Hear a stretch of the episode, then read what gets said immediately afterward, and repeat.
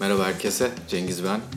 Ee, bugün Bakırköy'den e, bir podcast kaydı yapıyorum. Psikiyatristler için, e, Türkiye'de psikiyatri eğitim alanı pek çok insan için çok kutsal denilebilecek bir yer. Ejder abinin konuyum, Profesör Doktor Ejder Akgün Yıldırım'ın. E, kendisi nevroz biriminin, psikoterapiler, psikoterapi biriminin koordinatörü olarak burada çalışıyor. Pek çok alanda da ayrıca ilgisi mevcut. Grup psikoterapileri, psikodramatik yönelimli grup psikoterapileri ve sosyometri, cinsel terapiler ve travma ve yasla ilgili pek çok deneyimi mevcut. Ee, bugün e, daha çok sosyometri ile ilgili e, konuşacağız. En azından bu kayıtta, diğer kayıtta yeteri kadar zamanımız kalırsa e, diğer ilgi alanlarıyla da ilgili konuşmaya çalışacağız. İzdirap çok sağ ol. Teşekkür ederim öncelikle geldiğin için. Teşekkür ederim. Buraya ben aslında çok daha önce bir zaman gelmiştim Hacettepe'ye gitmeden önce. Bir Bakırköy'ü... Keşke buraya gitsin. Bak, beni zaten Bakırköylü sanıyorlar.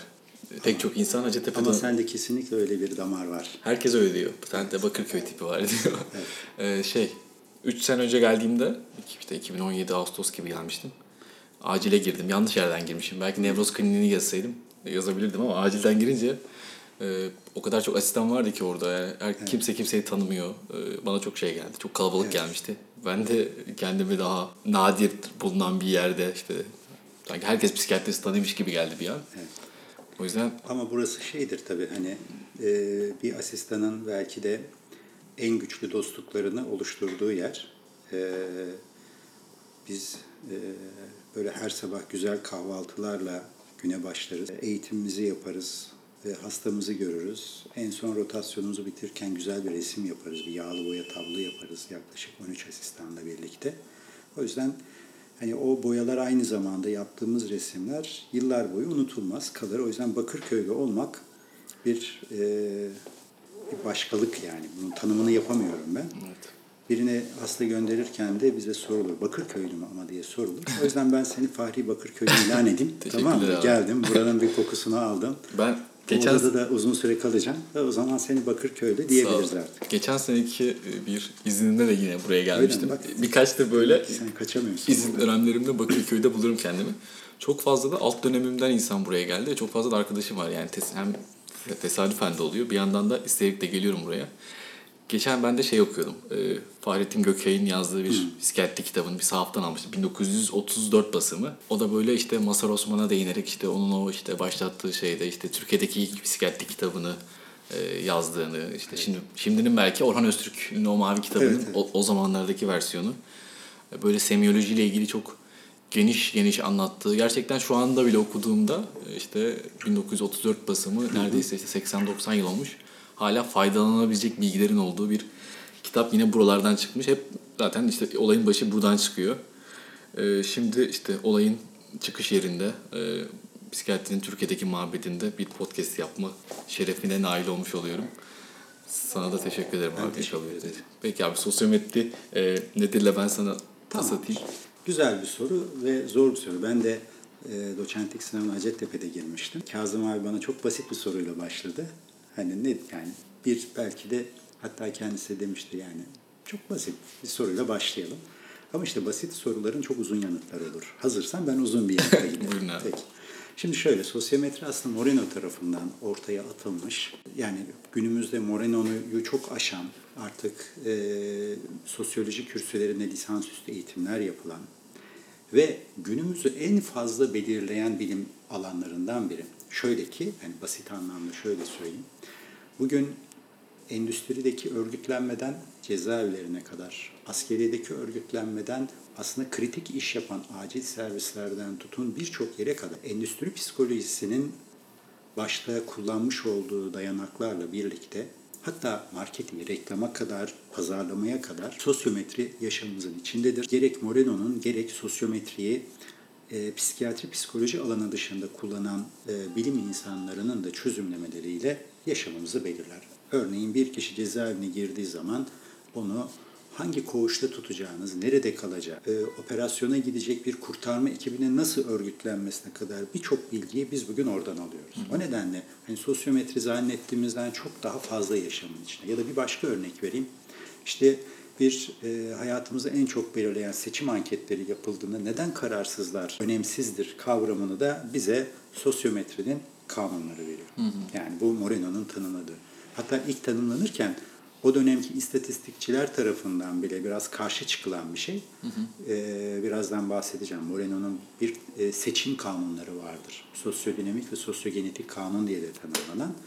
Moreno bir yerdeki bir grup içerisindeki seçilim oranının grubun sayısı artırarak değiştirilmeyeceğini öne sürer. Hı hı. Şimdi bize göre şöyle düşünelim. Yani bir grup düşünün. Bir grupta bir insan çok seçiliyor, birileri az seçiliyor. Biz eğer buraya birilerini katarsak şöyle düşünürüz. Ya o yeni gelenler az seçileni daha çok seçer, denge kurmaya çalışırlar. Oysa Moreno der ki bir seçilim varsa bu seçilim öyle çok da bilinçli bir şey değildir zaten. Bu seçilim devam eder. Yani siz kararsız ya da yeni üyeyi katarsanız seçilim oranına göre davranırlar. Bu nedenle de seçilemeyenin işte Who Shall Survive'da dediği yarına kim kalacak diye çevrilen kitapta bize söylediği tedavi edilmesi gereken, çözülmesi gereken sorunun bu seçilememe özelliği olduğunu, eğer bunu seçmezsek de bu kişinin bir sosyal ölüme doğru gidebileceği kaygısıdır.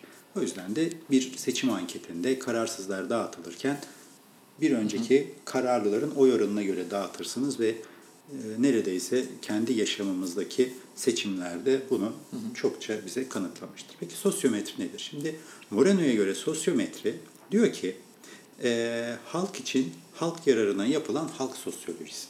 Tabii bu Moreno'nun biraz da politik kimliği nedeniyle de böyle. Moreno dönemine göre farklı bir politik duruşu olan kişi. Nasıl? Şimdi 1913 yılında Moreno Viyana Tıp Fakültesi. İstersen çok kısa da bir hayatından bahsedeyim. Ee, kendisi İstanbul'u seven biri. Geliyor İstanbul'a. Gerekçesi kendi öz yaşam öyküsünde yazarken e, İstanbul'da doğduğunu söyler.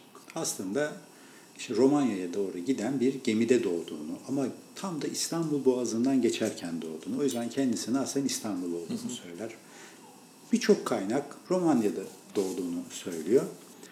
Ee, ama niye böyle demiş? Ee, bir Seferat Yahudisi, büyük dedesi İstanbul'da bir esnaf. Yani aile kuşaklar öncesinden Osmanlı vatandaşı olarak yaşıyorlar. Moreno e, daha sonra Viyana'ya e, ailesi tarafından, daha doğrusu Viyana'da okumak istiyor. Viyana'ya bir e, göç süreçleri var. İlginç bir çocukluk öyküsü var. E, örneğin çok küçükken ilkokula gitmeden önce bir kolunu kırar. Çünkü arkadaşlarıyla tanrıları ve melekleri oynarlar. Kendisi de genelde tanrı oyununu seçer. Tabii bir tanrı ya da melek uçabilecek olduğu için hani anlatılan bir gün bir uçmaya kalkar ve kolunu kırar. Bulunduğu her yerde atipik özellikleri olan, biraz daha yaşamın biraz önünde aktif olan, eylemi seven bir insan. 1912 yılında tıp fakültesine kaydolduğunda vatandaşlık hanesinde çünkü kökeni yoktur. Yani hı hı. Avusturya vatandaşı değildir. Yani imparatorluk vatandaşı değildir diyelim Avusturya Macaristan. Ve babası onu Türk diye kaydeder. Hı. Türk tabi o zamanki Avrupa dilinde Osmanlı vatandaşlarına Avrupa'nın verdiği bir tanım. Ee, Osmanlı'da böyle bir tanım yok ama Avrupa'da Türk diye tanımlanıyor. O yüzden Oğlu da Jonathan Moreno da babasının böyle bir öyküsünden bahseder. Niye bunları diyoruz? Çünkü oluşturmuş olduğu kuram o dönem Viyana'sındaki kendi yaşantısıyla biraz bağlantılı. Şimdi yine bugünden bakalım. Yani bugün örneğin biz e, incinebilir grupların ya da ayrımcılığa uğrayan grupların hakları konusunda çok duyarlı bir e, meslek grubuyuz psikiyatristler olarak. Örneğin mülteciler bizim için önemli. Eğer bir grup kimliğinden dolayı baskı görüyorsa bizim için önemli, yöneliminden ya da cinsel kimliğinden dolayı zorluk yaşayanlar bizim için önemli ise Moreno tam da bunların psikiyatri için çok önemsiz olduğu bir dönemde hatta tıp dünyası için 1912'de tıp fakültesine başladıktan bir yıl sonra o dönem Viyana'daki seks işçilerinin diyelim yani kendi deyimiyle fahişelerin hakları ile ilgili bir çalışma yapar. Hatta bu konuda yaşantıları olur. Polislerin ve insanların bunlara çok kötü davrandığını. Oysa buradakilerin bu zorluklarının mutlaka politik olarak ele alınması gerekli çok ilginç bir duruşu var. Şimdi bunun 1913'te olduğunu, o dönemki tıp camiası, entelektüel camia bizim için çok büyük insanlar tarafından kelimesinin dahi geçmediği ya da kendi deyimiyle ancak çözümlenebilecek bir meta olarak gördükleri kişilerin o haklar için mücadele eder. Hı hı. Hatta bir eleştirisi de var. Tabii Freud'da çok öykünüyor. Yani Freud'a çok kıymet verdiği için öykünüyor. Der ki Freud ve onun ekibi adına benim için der bir insana faydası olan herkes hı hı. E, kıymetlidir ve aslen hekimdir der. Ama yani bunu şey içine örneğin ben der eğer ki bu Sezar'sa, eğer ki bu işte Sokrates'se, eğer ki bu atıyorum hani örnek verim işte Biruni ise benim için bu kişi kıymetli bir hekimdir, sağaltıcıdır. Ama bu bazıları için çözümlenebilecek tarihsel karakter olarak kalıyor. İşte örneğin Sokrat niye böyle davrandığını analiz ediyor. Oysa benim için bu bir eylem ve bir değişiklik yapmışsa kıymetlidir der. Şimdi bir 1913'te Moreno fahişelerin de, kendi deyimiyle yaşadığı zorluklarla mücadele eder. Sonra e, sokakta yaşayan evsizler, işçiler, bunlarla başlayan bir şey. Viyana sokaklarında dolaşır, çocuklarla oynar, evsizlerle temas kurar, onlarla arkadaş olur. Hatta biraz tuhaf da karşılanır. Niye bunlarla çok temas kuruyor? Fakülte bittikten sonra 1921 yılında Mittendorf'taki bir mülteci kampına atanır e, tabip olarak. Bizim deyimizde hükümet tabibi gibi. Hı hı. Burası bir mülteci kampı ama son derece kötü koşullarda özellikle e, etnik olarak farklı coğrafyalardan gelmiş ve işte o Mittendorf kampında misafir edilen kişiler devletin onlara göstermiş oldukları herhangi bir yerde yaşamaya zorunlu kılınıyor. Ve Moreno doktor olarak çok fazla semptomla karşılaşıyor. Kendi böyle açıklıyor ama bir taraftan da diyor ki bir kişi neden diyor kendi etnik olarak yakın olduğu bir grupla aynı dili konuştuğu insanlarla yaşam hakkına neden sahip olması, mülteci olması onu bu haklardan uzak tutarmış. Şimdi gene bugünden baktığımızda son derece sert bir politik duruş var burada. Ve izin alarak bu kişileri kişilere kimlerle yaşamak istersiniz önerisinde bulunuyor. Aslında sosyometrinin kuruluşu tam burası. Hı hı. Ve burada bu kararı alanlar da semptomların hızla azaldı. Ee, özellikle sağlık talebiyle başvuruların azaldığı, bir anda bir keyif ve üretkenliğin olduğu bir değişiklik görüyor. Oysa yaşam koşulları değişmemiş durumda. O zaman soruyu şöyle düşün, sormamız gerekiyor kendimize. Bu yaşam koşulları değişmeyen ama sosyal, ilişkisel e, ağı değişen insanlar neden daha iyi oldular, daha mutlu oldular? Şimdi bugünden baktığımızda bu soruya kolay yanıt veriyoruz ama 1920'lerin e, dünyasında bu soru sorulmayan bir soru. Hı hı. Yani şöyle bir doktor grubu yok ya biz mültecilerle ilgilenelim neden böyle bir zorluk yaşıyorlar gibi bir doktor grubu yok. Şimdi tekrar grup psikoterapileri tarihine de gidecek olursak örneğin grup psikoterapilerin başlangıcı da bir tüberküloz hekiminin e, çabasıyla oluyor. Neden? Çünkü ölmek üzere olan hastalarınız var, çok az tedavi şansınız var. Onu ayakta tutabilecek tek şey onlarla temas kurup bilgi vermek ve aynı zamanda umut vermek. E, o yüzden Doktor Pret e, hastalarını bir sınıfa alıyor ve onları öyle konuşuyor. Bunu işi kolaylaştırmak için yapmıyor sadece. Çünkü şunu fark ediyor. Oraya iyileşmiş bir hasta koyduğunda. Ki biz bugün, bugün grup terapilerine yıldız üye diyoruz. Daha sonra Yolom'un umut aşılama ve evrenselleştirme dediğimiz teknikleri aslında bir dahiliye uzmanının yaşantısında ortaya çıkıyor. Yani temas kuranlar, hastayla ve zor gruplarla temas kuran insanların yarattığı bir şey. Tekrar sosyometriye dönelim. Şimdi Moreno'nun tabii ki bir sosyometrisi var. Bir de bir terapötik yöntem olarak psikodrama diye tanımladığımız bir yaklaşım var. Ama ana kavram nedir dersek psikodramada sosyometrinin bir alt dalı. Hı hı. Kuram olarak sosyometriyi tanımlıyor. Bu grupların yani halk sosyolojisi ya da grupların sosyolojisi diyebileceğim. Daha doğrusu grup şöyle söyleyeyim, gruptaki ilişkilerin sosyolojisi diyeceğimiz bir şey. Çünkü hı hı. sosyoloji zaten grupları tanımlıyor bize ama o ilişkilerin e, ağını kuruyor. Moreno'nun Demokritosçu diyebileceğimiz bir e, açıklaması var insanı tanımlarken. Ki bu daha sonra rol kuramını açıklayacak ve psikodramanın uygulamasında da çok önemli olacak. O da sosyal atom kavramı. Hı hı. Şimdi gene 1920'li yıllara gidecek olursak hatta 1900'lü yılların başından itibaren kıta Avrupası, bu kıta Avrupa'sında da fizik, Alman fiziği çok güçlü e, termodinamik yasaları var. E, işte bir e, ışığın e, hareketi ve ışığın fiziği tanımlanmış durumda. Yani bir alanlar dediğimiz elektromanyetik alan tanımı var. E, ve tabii ki de atom fiziği çok güçlü. İşte tam bu sırada Moreno da atomist bir dille konuşuyor. Ama burada daha çok Demokritosçu yani bölünebilir en küçük parçanın o bölünemeyen kısmı ile ilgileniyor. Ve diyor ki insan ki burada bireyden bahsediyor artık çünkü niye tekrar buna gelelim? O dönemki kuramların, hala, hala günümüzdeki kuramlarında çoğu bir bireyin psikolojisini ele alarak bir grubu oluşturur. Hı hı. Yani birey kökenli bir hı hı. E, e, biz psikoloji kuramından bahsederiz. O diyor ki biz bir insanı en küçük parça olarak oluşturmaya çalışsak da elde edeceğimiz şey bir insan değildir. Yani bir insanın sosyal anlamdaki en küçük parçası bir sosyal atomdur.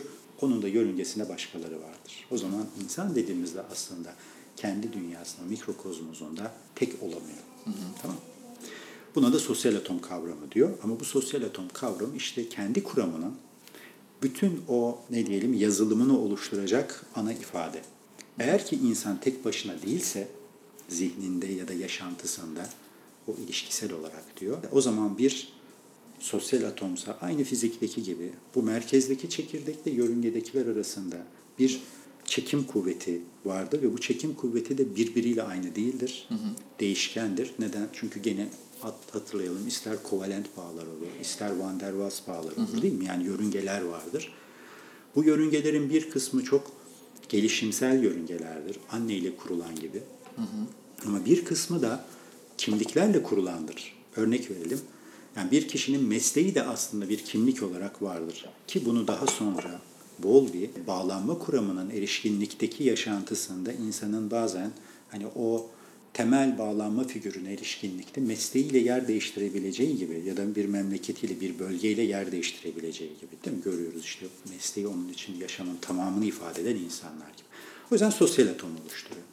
Sonra yine yaşamından devam edelim. 1926 yılında Amerika'ya göç var ama bu göç o dönemin bir Yahudilerin maruz kalmış olduğu e, Nazi e, politikalarından ziyade kendine e, kıta Avrupa'sında çok yer bulamamasıyla ilgili. Çünkü o görüşler o dönem için biraz daha aristokrat dildeki tıp biliminde bir yer ifade etmiyor. Moreno bir psikiyatrist oluyor. E, ama bu e, meşhur e, Viyana tiyatrosunda yapmış olduğu tedavi yöntemiyle birlikte klasik bir tedavinin dışına çıkıyor. Yani o öncelikle aslında anlatılan iki çocuğun, dört yaşındaki bir çocukla onun abisinin bir anne ve çocuk oyununu görüyor. Ve burada fark ettiği bu çocukların rollerdeyken kendi zihinsel kapasitelerinin çok daha üzerinde bir dille konuşabildiklerini görüyor. Ve kuramında ki rol kuramı diye diyeceğimiz ki bu rol kuramı sosyolojide Mead'in tanımlamış olduğu rol kuramına bazı yönleriyle benzemekle birlikte ona göre kökensel olarak çok daha başka bir şey söylüyor. Diyor ki egoyu da böyle tanımlayacak. Egoyu da işte o sosyal atomun oluşumu sırasında başka rollerle temaslar sırasında oluşan bir yapı olarak tanımlayacak ki bence e, bugünden geriye baktığımızda da e, mevcut kuramlar içerisinde en güçlü ego tanımlarından biridir. Diyecek ki ben rolü oynamaz. Rol beni oynatır. Aslında rol kişinin o beninden daha üst bir şeydir. Çünkü hayat rolle öğrenilir. Yani o beni oluşturan da oynadığımız rollerdir. Bunu şöyle yapabiliriz. Örneğin kendiniz bir çocuk görün, 2 yaşında, 3 yaşında yeğeniniz olabilir, çocuğunuz olabilir. Onunla bir evcilik oynayın, onunla bir oyun oynayın. Orada görürsünüz ki o oyunun içerisindeki çocuk kendi zihinsel kapasitesinin çok daha üzerinde bir rol e, becerisine sahiptir. Çok kompleks davranışlarda bulunabilir. Hani mış gibi dediğimiz kavram aslında davranışsal olarak da çok güçlü bir şekilde olur. Örneğin bir çocuk, annesi hiç evden gitmesin diyen bir çocuk, anne rolündeyken çocuğuna evden gitmek zorundayım der. Hı hı. Şimdi bu çok işlenmiş bir bilgi midir? Hayır. O rolün gereğidir. Çünkü hı hı. anne olmak işe gitmeyi ya da anne olmak belli yükümlülükleri getir, yapmayı gerektirir. Diyor ki aslında psikoseksüel gelişim diye ya da psikolojik gelişim diye tanımladığımız dizgede rollerle öğreniliyor diyor. Yani anneyle temas, ebeveynle temas, sosyal dünyayla temas, akranlarla temas gibi bir takım kavramlardan bahsediyor. Ve diyor ki böyle bir sosyal atom oluşur. Ama farklı ne söylüyor o zaman? Hani onu dersek birçok kuramcı benzer bir şey söylüyor. Peki Moreno farklı olarak ne söylüyor, neleri tanımlıyor? Sosyometri ile ilgili pek çok da kavram var yine konuşabileceğimiz. Bu kaydı burada sonlandırıyorum. Ee, teşekkür ederim Ejder abiye de. Bir sonraki kayıtta sosyometri ve psikodrama ile ilgili diğer kavramları da konuşacağız. Bir sonraki kayda kadar hoşçakalın.